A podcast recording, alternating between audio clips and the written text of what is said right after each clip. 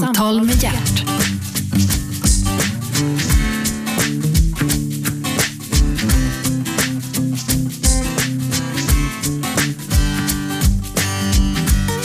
God morgon och hjärtligt välkomna till Radio 1.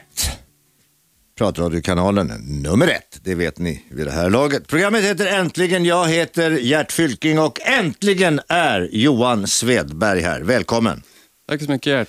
Johan Svedberg, en gång nöjesjournalist, en gång tung narkoman, numera sedan tre år tillbaka fri från droger och av med jobbet, kan man säga så? Ja, på sätt och vis. Jag har nya, nya åtaganden nu, och, eh, men drogerna är ett avslutat kapitel Okej, del. vad gör du nu för tiden? Jag eh, utbildar mig nu eh, för att eh, stärka mig själv i min, mitt eh, nya yrke där jag eh, vill eh, jobba med eh, föreläsningar och arbete på arbetsplatser mot missbruk. Arbetsplatser och missbruk på arbetsplatser. ja, Är det utbrett? Ja, vi kan väl säga så här, det, är- det är ju ett mörkertal som är praktiskt taget kolsvart. Det är bara att titta sig i sin omgivning. Hur, alla känner ju någon som har eh, missbruk och eh, det är ju ingen skillnad på arbetsplatserna. Det finns ju där. Ja, det finns där och vissa kanske är mer eh, liksom, märkta utav missbruk än andra. Tradition när det gäller missbruk, åtminstone när det gäller- alkohol, i journalistbranschen. Ja, av tradition så är det så. Eh, Jag vet inte riktigt hur det ser ut idag men, men den har ju varit väldigt infekterat av alkoholmissbruk. Du, du började med alkohol. Ja, Det blev var- inkörsporten till andra droger. Ja, jag hittade ju hem med alkoholen först och sen hittade jag andra droger efter det. Men var du blandmissbrukare? Det kan man nog säga. Jag har väl haft favoriter i olika perioder och så här, men eh, jag, har, jag har stoppat i mig det jag har kommit över och eh, jag har tagit det mesta. Vad heter det? Det är som tjuven, börja med en knappnål, sluta med en silverskål. Ja, det kan man nog säga. Okej, Johan, vi backar bandet lite grann. Hur gammal är du? Jag är 40 år idag. 40 år? Ja, då var det väl dags att sluta då vid 37 års ålder. Jo, jag hade, det hade kommit dit här. 40-årskrisen innebar någonting annat för dig kanske? Ja, det, det vet jag inte. Jag, jag har väl upplevt en, en eh, tämligen vanlig 40-årskris också, tror jag. Men varför slutade du med droger då? Ja, jag har funderat på det, vad det var som fick mig att ta det definitiva beslutet. Men, men jag tror det, framförallt så var det någonting som jag växte in i också och eh, kom dit här där att jag insåg att eh, det höll inte ihop helt enkelt. Och eh, de sista åren så var ju eh, heroin min huvuddrog och eh, jag eh, var illa ute vid upprepade tillfällen och eh, jag, jag kände att jag, jag ville inte dö och eh, alternativet då var ju att lägga av helt enkelt. Men du, heroin låter dyrt. Ja, det kostar sina försvarliga slantar, det gör det. Vad kostar ett rus heroin? Ja, jag stod väl på eh, doser så jag klarar mig eh, på en 500 per dag. Ja, men det är mycket det. Kan man jobba med en 500 värt heroin i kroppen? Eh, Det kan man eh, definitivt inte göra. Nej. Så hur fick du ihop 500 då? Eh, Ja, det, det fick gå på olika sätt. Jag har inte varit i kriminalitet, det har jag inte varit, men det har funnits andra sätt att, att tjäna ihop de pengarna. Jag, jag kan ju säga att jag har ju sålt av saker jag har och jag har eh, viggat pengar här och där. Okej. Sålde du också droger? Nej, Du- som du- sagt var, jag har inte varit i, i kriminalitet på, på det sättet. Nej, nej, det, du behöver inte, det, det är ingen, vad heter det, biktstol du sitter i. Men du, eh, Johan eh, Svedberg, 40 år alltså. Eh, Var, var växte du upp någonstans? I Östersund? Ja, mitt i Sverige, Ja, i princip. ja. Sveriges med, med, Navet. Mitt, navet? Nej, det vill jag väl inte säga, men ändå. Nej, de brukar göra anspråk på det. Ja, jo, jag förstår, men alla gör anspråk på någonting. Men eh, hur var det i Östersund då? För 40 år sedan. För 40 år sedan, det får du fråga någon annan om för då, då, var jag, då hade jag knappt öppnat ögonen. Så. Mm, men sen så, så växte du upp där med mor och far eller? Ja, de skilde sig väl när jag gick i eh, mellanstadiet. Okej. De, så- Var det enda barnet? Nej, jag har en eh, yngre syster också. Mhm. Hur har det gått för henne? Det har väl gått bara bra. Om vi, om vi fortfarande pratar om droger så har hon inte tagit den vägen i alla fall. Nej, nej. Nej, men det, det kan ju vara så. Man, man, det räcker med en avfällning i familjen. Ja. Min eh, syster var grav alkoholist. Hon söp bort barn, hon söp bort allt. Hon hamnade så småningom i princip som A-lagare innan hon söp ihjäl sig. Så att jag har lite kännedom om missbrukets följder inom familjen. Som familjemedlem så är man ju lite grann medberoende kan man väl säga. Ja, man blir ju det o, nästan oundvikligen på ändra sättet. Sen vil, vilken roll man tar i, i medberoendet kan ju skifta. Mm. Men, men eh, hur hade du det då? När du växte upp i skolan, hade du problem med plugget eller? Eh, det blev en eh, tämligen komplicerad tid för mig under eh, mellanstadiet och till viss del högstadiet också. Men jag var, jag var lite så hoppig i kroppen och svårt att sitta still och svårt att vara tyst och sådär. Men jag var... Idag kallar man det för ADHD-barn. Ja, det, jag tror inte jag skulle diagnostiseras med, med någon bokstavskombination. Det, det tror jag inte. Men, men du, började du tidigt? Eh, med... Med, med alkohol till exempel? För det, det är väl inkörsporten till det som sen kommer? Ja, det är ju, det är ju gateway-drogen nummer ett naturligtvis. Eh, Jag drack första gången jag var 13 år och eh, jag kan ju se idag att, att jag drack på ett problemmässigt sätt från allra första början. Hur menar du nu? Jag fick konsekvenser och jag kunde inte sluta. Utan jag, jag fortsatte och jag, jag ville göra det så Varje- ofta som möjligt. Ja, och det var varje dag eller varje helg? Eller? Nej, inte i, inte i den åldern. Det var det ju inte. Eh, men men eh, jag, jag drack för mycket och jag drack för ofta och eh, jag drack framförallt på fel sätt. Jag, jag fick de här konsekvenserna. Jag, eh, våld och, och skadegörelse och mycket annat som kommer med, med problemdrickande. Det fick jag uppleva från allra första början. Ja, så du blev lite värsting i stan? Nej, det var väl att ta i, men, men jag, jag eh, hamnade i, i konstiga situationer, det gjorde jag. Mm. Och, eh, Som du inte kunde ta dig ur? Ja, ibland klarade jag av det och ibland... Men vem ryckte in då? Var det morsan och farsan då som fick rycka in? Eller skolan eller socialen? Eller?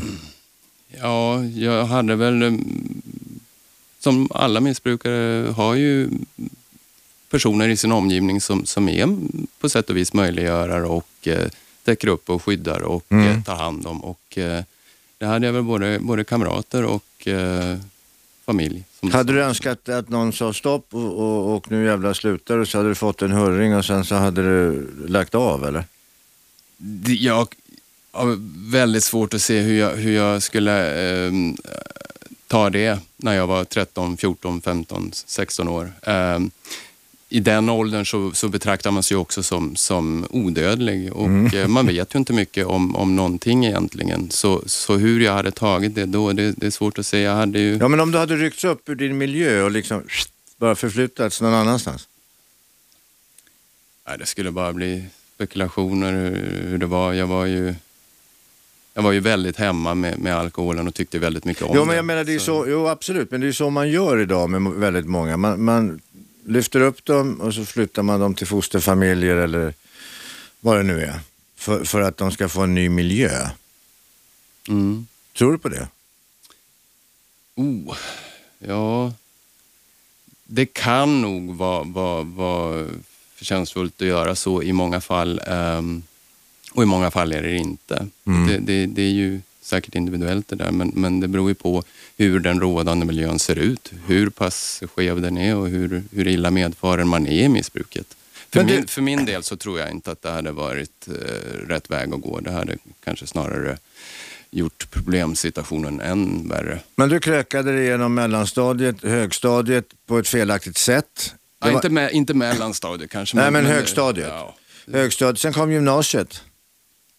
ja eh, där kom väl saker och ting faktiskt lite till halt då med, vad, gäller, vad gäller användandet av alkohol och, Mhm. och andra droger. Då, för att jag eh, började fotbollsgymnasiet. Jag eh, hade ju ambitioner om att spela fotboll på en högre nivå och kunde se att det inte fungerade att eh, samköra ett alltför häftigt drickande med att eh, försöka bli en seriös fotbollsspelare. Men du nämnde andra droger här. Hade du redan pro- börjat prova på eh, cannabis och sånt? Ja, eh, inte mycket mer än provat på som sagt var. Då. Eh, hade rökt en del hasch och eh, tagit en del tabletter också. Så, sånt som vi hittade i, i eh, medicinskåp. Vi, vi, jag och några kompisar vi plund- plundrade medicinskåp eh, hemma hos, eh, gärna hemma hos äldre släktingar också.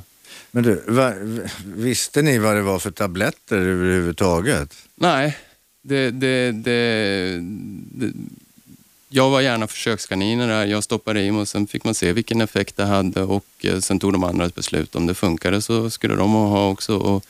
Men det, det var inte tal om att läsa på någon bruksanvisning eller någon innehållsförteckning eller någonting utan jag varit väldigt orädd med det. Jag, jag stoppade i mig det jag kom över. Jag ska inte så, säga orädd, jag ska väl säga jävligt dum.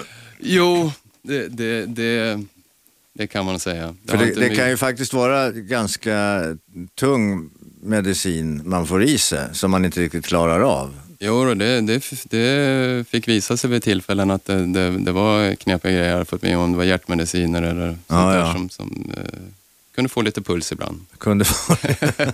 Jag pratade med Johan Svedberg, en gång nöjesjournalist, en gång eh, tung narkoman, numera föreläsare och föreläser om eh, drogmissbruk och missbruk på arbetsplatser. Eh, Johan, eh, sen då, så fotbollsgymnasiet, hur bra blev du?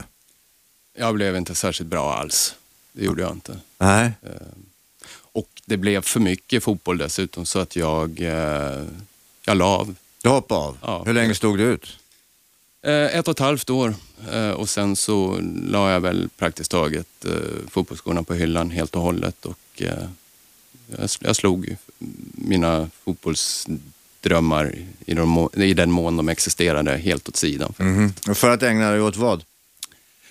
Då hade jag ju fått en, en ny karriär och det var ju, det var ju en yrkesmässig karriär eh, som, som reporter eh, på, på en lokaltidning då i Östersund. Började Mhm. bevaka idrottsevenemang, vissa nöjesevenemang också på, på helgerna och ehm, Hur Ja, gammal det- är du nu ungefär? Det måste Ja, vara då- då- uppemot då- 19-20? Ja, just det. Just det, ja. Jag bör- Jag började i sena tonåren då skriva extra och sen så eh, under gymnasietiden och eh, ja, sen blev det kortare vikariat, blev längre vikariat, blev sommarvikariat, blev fast anställning och eh, då var jag sportreporter och eh, det var någonting som jag ville syssla med. Jag tyckte om att skriva och eh, fann mig väldigt väl till rätta i den här journalistiska miljön. Äntligen! Samtal med hjärt.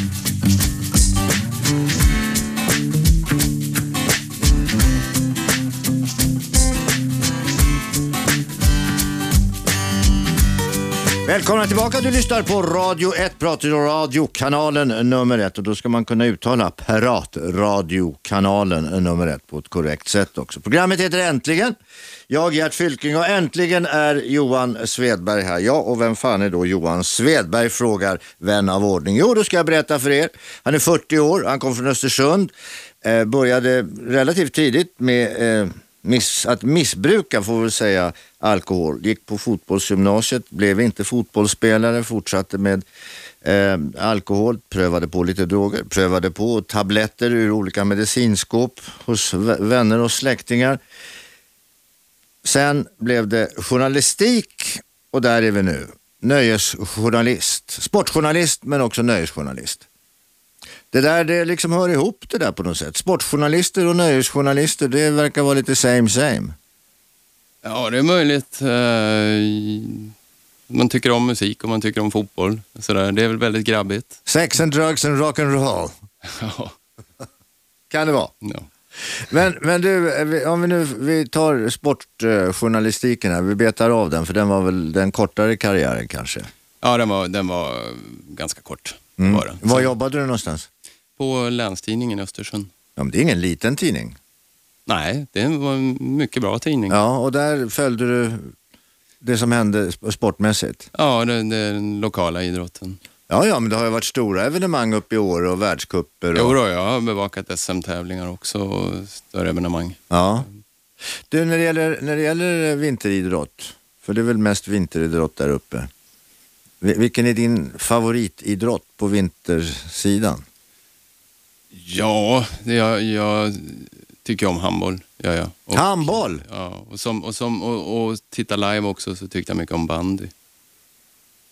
Handboll och bandy alltså. Jag ska försöka få in det i, i ett fack. Handboll och bandy, nej vad fan det är bra. Handboll gillar jag som fan. Bandy har jag inte riktigt sådär. Men jag får väl gå och titta på lite mer eh, bandy för att få. Det är en fin sport att titta på live. Ja, ja absolut, absolut. Och så har man den lilla portföljen med sig, den så kallade bandyportföljen. Ja, just det. Den är viktig och där har man inte bara eh, öronlappar utan även Det ska vara kasken också. en kasken. ja. ja, det ska det vara. Eh, Johan Svedberg, eh, sen blev det nöjesjournalistik. Var du också uppe i, i eh, Östersund med omnejd till att börja med? Nej, det blev när jag kom till Stockholm då, så, så eh, då vände jag idrotten ryggen helt och hållet. Jag tappade intresset. Jag, från att ha läst tabeller och pluggat laguppställningar och så släppte jag och idrotten helt och hållet. Mitt, mitt intresse falnade och eh, jag gick fullständigt upp i min, min andra stora eh, hobby, då, musik. Eh, och och eh, ja, det Men blev... du, du säger vadå kom till Stockholm? Det är väl ingenting man bara kommer till? Man bor i Östersund och så kommer man inte bara till Stockholm. Det måste ju, ett, det, är en ganska lång resväg. Två, det måste ju finnas eh, förutsättningar för att man ska kunna slå sig ner. Jobb, bostad, sådana saker. Ja. Utbildning. Det, det var ju någonting som jag hade velat göra under väldigt, väldigt många år. Att jag skulle lämna Östersund från, från, eh, från tonåren. Då. Eh, Så, så ville jag, ville jag till Stockholm Eh, och eh, till slut så, så kom jag till en punkt där, där jag bara släppte det jag hade. Det var ju en trygghet i att ha en fast anställning på, på tidningen där då, men, men eh, jag sa upp mig och jag hade ju väldigt, väldigt tur där. Jag, jag fick ju jobb på en gång. Jag kom till Stockholm. Och ehm, ja, det, var- det var, jag hade Var fly, började, flyt. Så, var började du jobba någonstans? Då började jag på, på ehm, Avisa, heter det. Eh, det hade eh, sprungit ur, ur ehm, A-pressen efter de hade kon- konkat då, så, så startade några upp någonting som hette Avisa. Okej. Hur gammal är du nu ungefär? 25 eller? Eh, nej, då jag flyttade till Stockholm när jag var 21. 21 redan? Ja. Liten pojke från Östersund hamnar i storstan. Med sig i bagaget lite väl mycket alkohol. Eh, ja, eh, jag hade en, en lite väl stor aptit på, Ja. på alkohol ska jag säga. Och då var ju Stockholm lite lättare än Östersund kanske. Man, man blir ju mer anonym i en större stad. Ja, och framförallt så fanns det ju ett större uteliv. I Östersund så, så kunde man ju gå ut på helgen, annars så var det ju tvärdött. Och här fanns det ju alltid ställen att gå på eh, alla dagar i veckan. Ja, Och det, väldigt det var sent. ju en väldig dörröppnare samt att jag också introducerades för andra droger och eh, ett, ett helt annat liv. Mm. Men du, du skulle ju sköta jobbet också som nöjes, nöjesreporter för Avisan. Ja, jag skulle ju det. Mm. Hur gick det då? Det gick väl si och så med det av förklarliga skäl då. Jag fungerade ju inte efter min, min eh, fulla kapacitet. Nej. Det, det är ofrånkomligt. Mm. Du, du eh, borstade, tog diverse piller, rökte på. Hade du kommit fram till heroinet än? Nej, det låg ytterligare, ytterligare ett gäng år Mhm. framåt i tiden. Ehm, Men du, när man är, befinner sig sådär i, i, i nöjesvärlden, då, då är det ju kändisar och det är ju världskändisar, det är lokala kändisar och det är wannabes och det är groupisar. Det är ju mycket i den så kallade kändisvärlden. Och som journalist så är det ju en del av det ekorrhjulet på något sätt. Ja, jag, jag, jag, blev ju, jag blev ju det. Och jag, jag tyckte om det, det, att få, få frottera mig med någonting som jag upplevde var en elit då och, och, och, och få umgås i de kretsarna. Det, det, det gav mig en känsla av att få vara del av någonting som jag aldrig hade varit en del av tidigare. Så att jag, jag, jag tyckte det var häftigt. Jag var ju fortfarande kusinen från landet och, och tittade väldigt storögt på allting det här och eh, ja, jag tyckte det var häftigt. Mm. Hur var det att hänga med i tempot? Jag kan ju tänka mig att det var ett litet annat tempo än uppe i Östersund. Ja, det var det väl och jag gjorde ju allt vad jag kunde för, för att, att hänga med. Och, och det, det är klart det var ju svårt. Jag försökte hänga med folk som inte hade ett, ett kontor att gå till eh, dagen efter och det hade ju jag men, men jag, jag lyckades på något sätt eh, hålla igång. Mhm. Eh, det gjorde jag. Ja, men det där måste ha tärt oerhört. Det gör det ju. Det, det, det bryter ju ner. Det, det gör. Äntligen! Samtal med hjärt.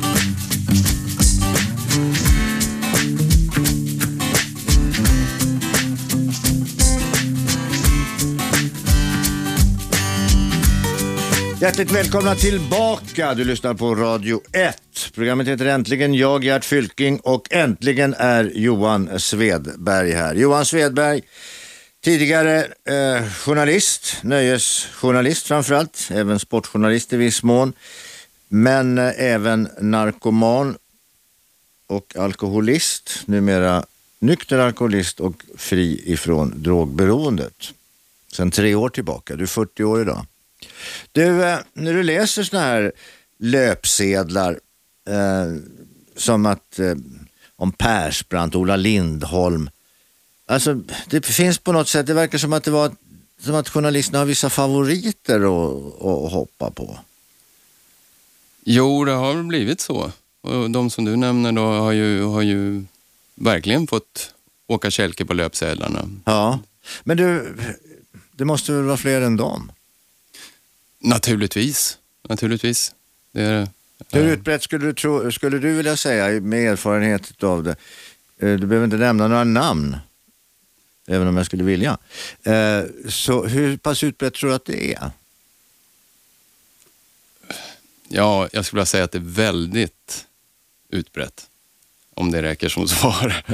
Nej, men det, det Om vi säger procent här nu då. Om vi säger procent, skulle du vilja säga att 50 procent utav kändiseliten, eh, vi kan ta bort alkoholen för det är en, det är en accepterad social drog. 50 procent utav känd, den så kallade kändiseliten har åtminstone provat eh, cannabis eller kokain.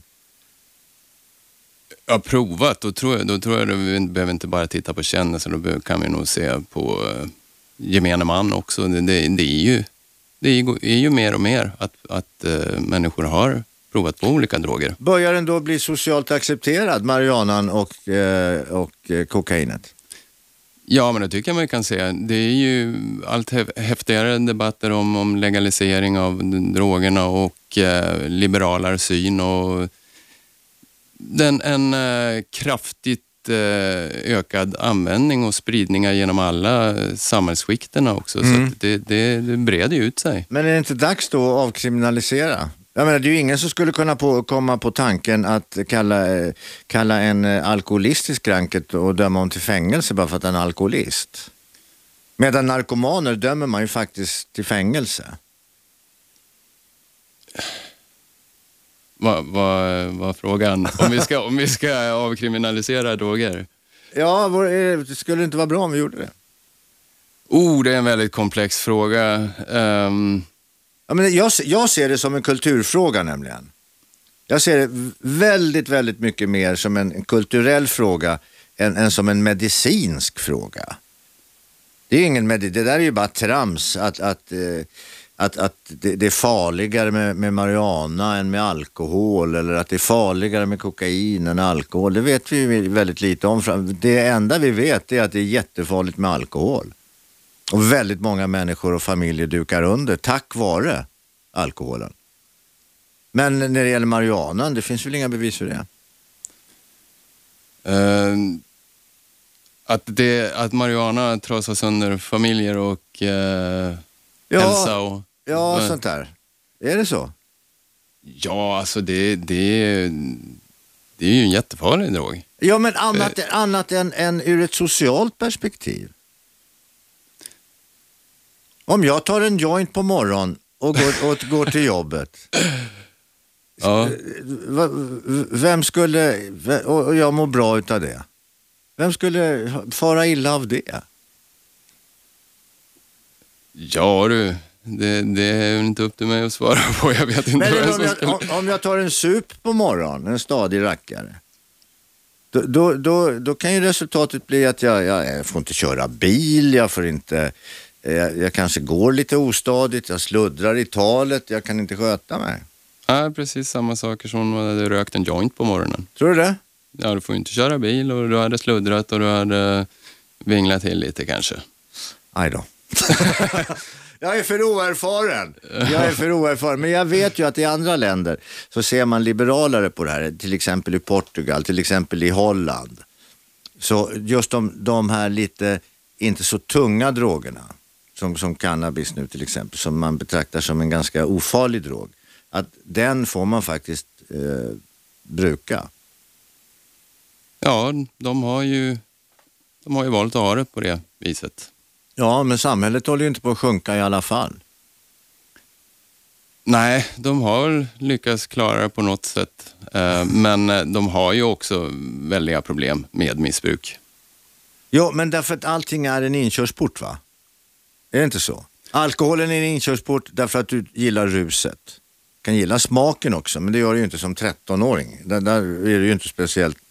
Nej, sitter man och häller ihop häxblandningar som klumpar sig och, och man silar klumparna genom tänderna så dricker man inte för att det är gott. Nej, det gör man alltså inte. Så att det är en inkörsport till nästa steg och nästa steg är väl då i regel cannabis. Ja, det brukar väl se ut så. Och ju, och nästa steg är, om vi ska hålla oss inom rimliga gränser, eh, amfetamin, kokain. ja, det är så min Ja, utvecklingskurva men är har inte den sett ganska ut. vanlig? Tror du inte det? Jo, det kan man ju se. Jag, jag har, har många personer i min omgivning som har gjort samma resa som jag har gjort eh, genom, genom de här olika drogerna då, då och tagit dem i samma ordning.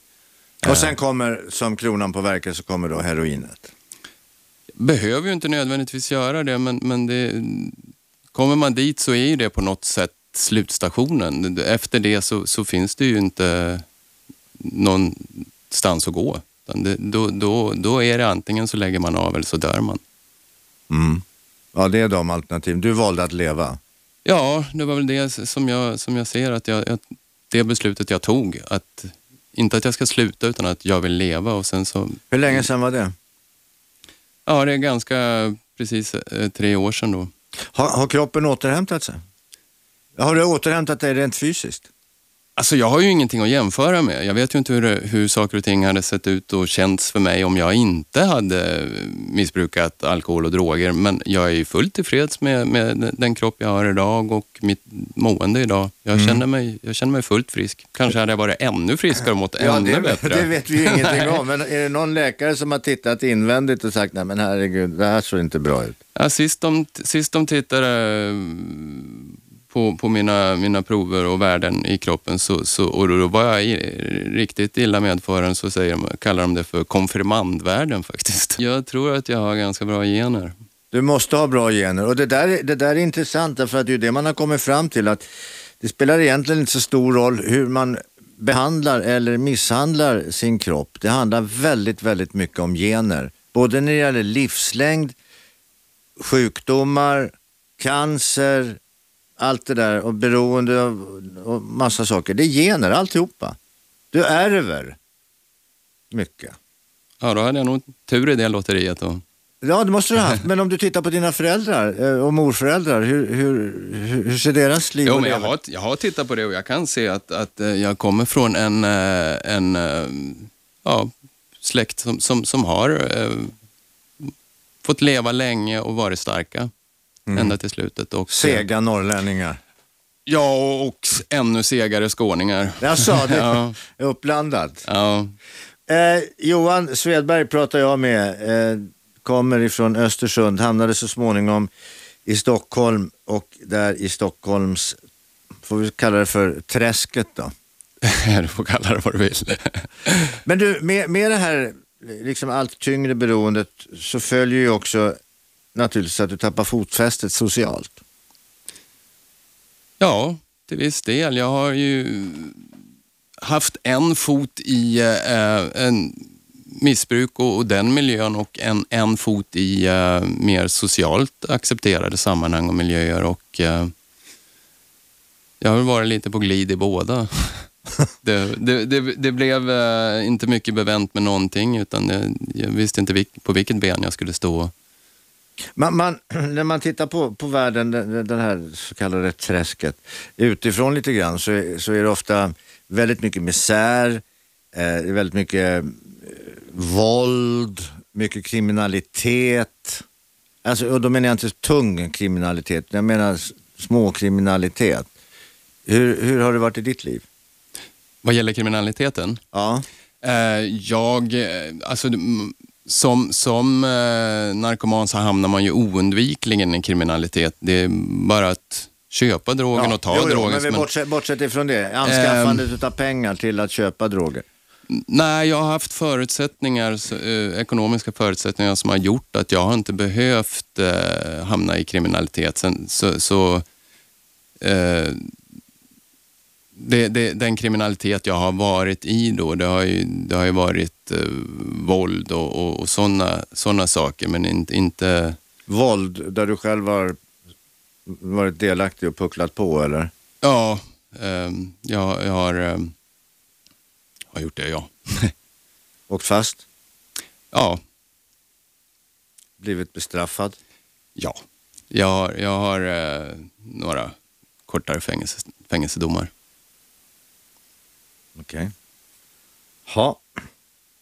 Ja, men har du gjort det så har du gjort det. Det är väl inte så konstigt med det. Du, du levde ju i en skuggvärld kan man väl säga. Solen sken väl inte riktigt in i den där världen som du befann dig i?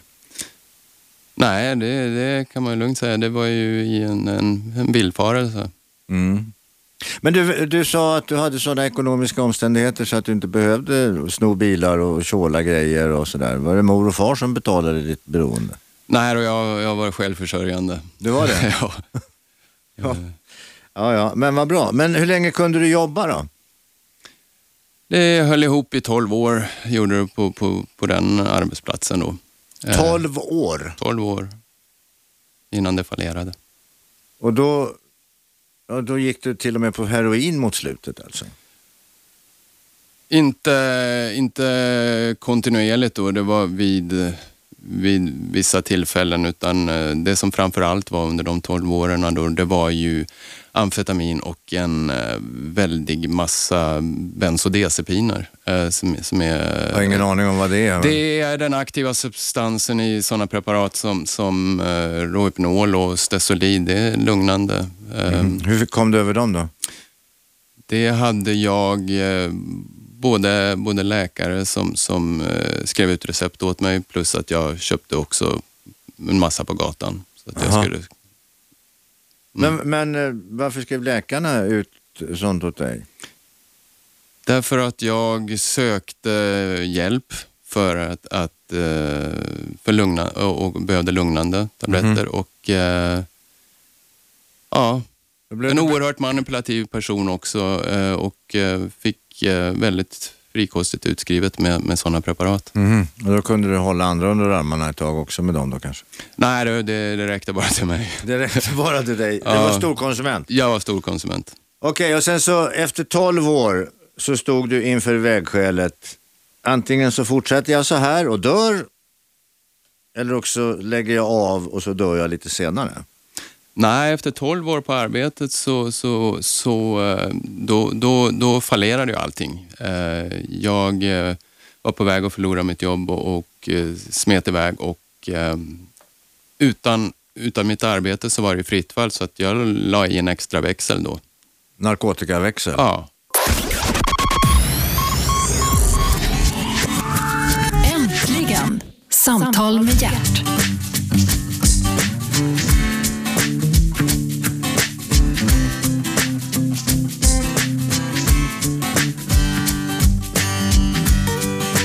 Välkomna tillbaks. Du lyssnar på Radio 1, pratradiokanalen. Ni vet, ni kan eh, lyssna här på 101,9. Ni kan lyssna på webben eller ni kan ha, ni som är moderna, en app. Visste ni förresten att vi har 60 appar i Los Angeles som bara lyssnar på Radio 1. Kul va?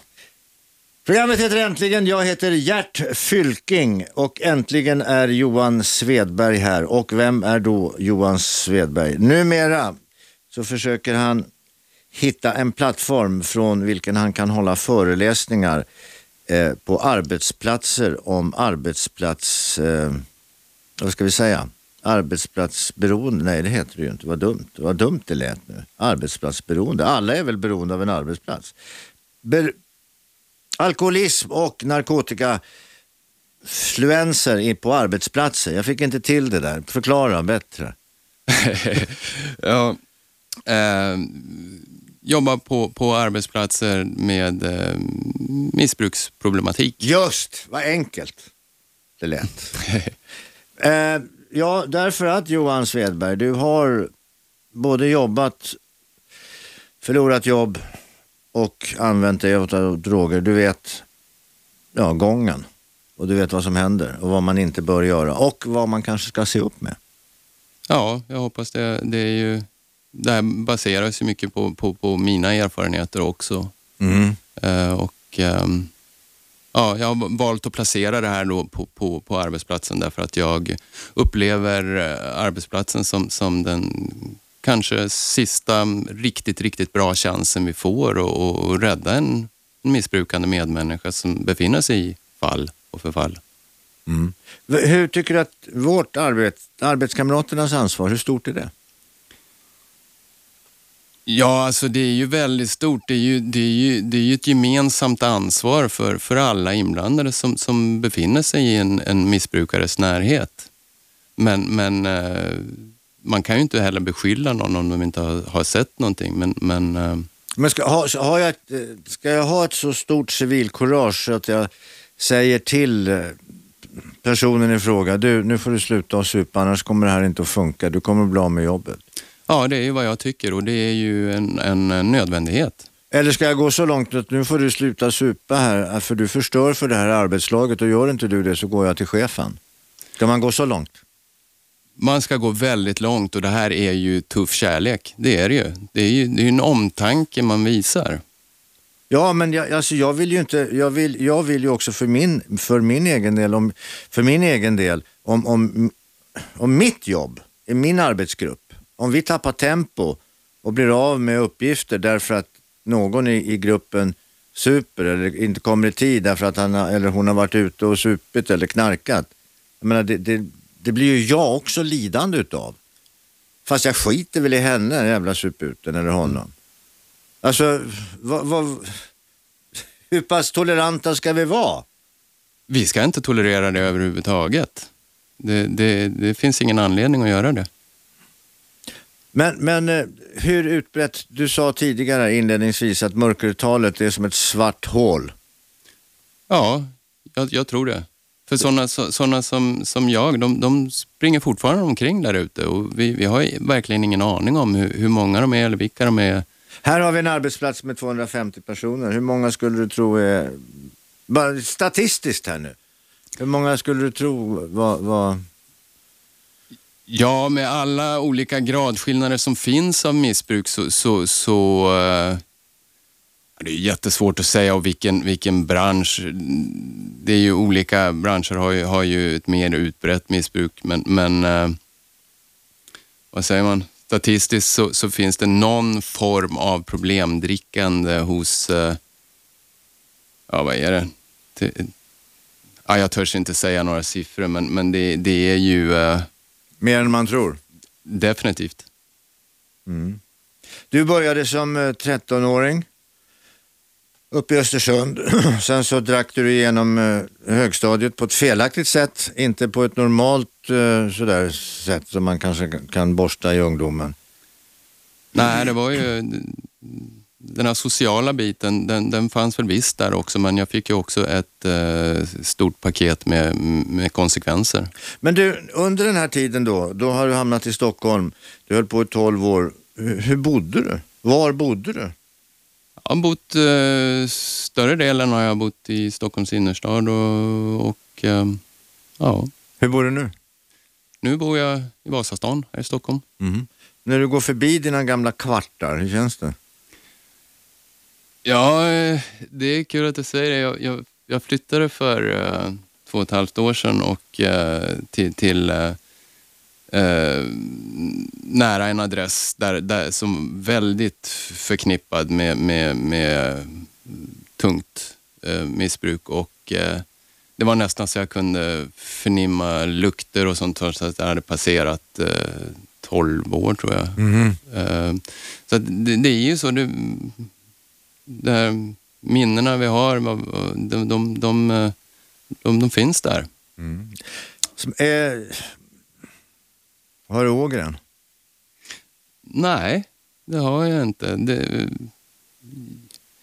visst, jag kan ju, kan ju önska att saker och ting hade sett annorlunda ut, att min, min ha- historia hade varit en annan eh, och, och mer, mer av en solskenshistoria. Så. Men, men samtidigt så, så har jag inte tid att, att gå och vara, vara ångerfull och, och, och bitter och så. Jag kan bara göra annorlunda och eh, jag eh, är stolt över att jag har gjort en skillnad istället, då, istället för att eh, gå och eh, känna mig tyngd av hur det har sett ut. Hur ser framtiden ut? Den tycker jag ser väldigt lovande ut. Mm. Det gör den. Och du ska hålla på med dina föreläsningar på arbetsplatser och, och väcka folk till medvetande om att det finns en problematik. Ja, det, är framförallt det som jag önskar fungera som då, då eh, en väckarklocka just. Att man ska se saker och ting för, för just precis vad de är. Och, eh, för att oftast så är det ju så att, att eh, alla beviserna för, för en, en eventuell problemsituation på arbetsplatsen, de finns där. Det är bara det att man, man ser inte saker och ting för vad de är. Om man vill komma i kontakt med dig, vart vänder man sig då? Då är det till det mm, företag som jag jobbar tillsammans med som heter, heter.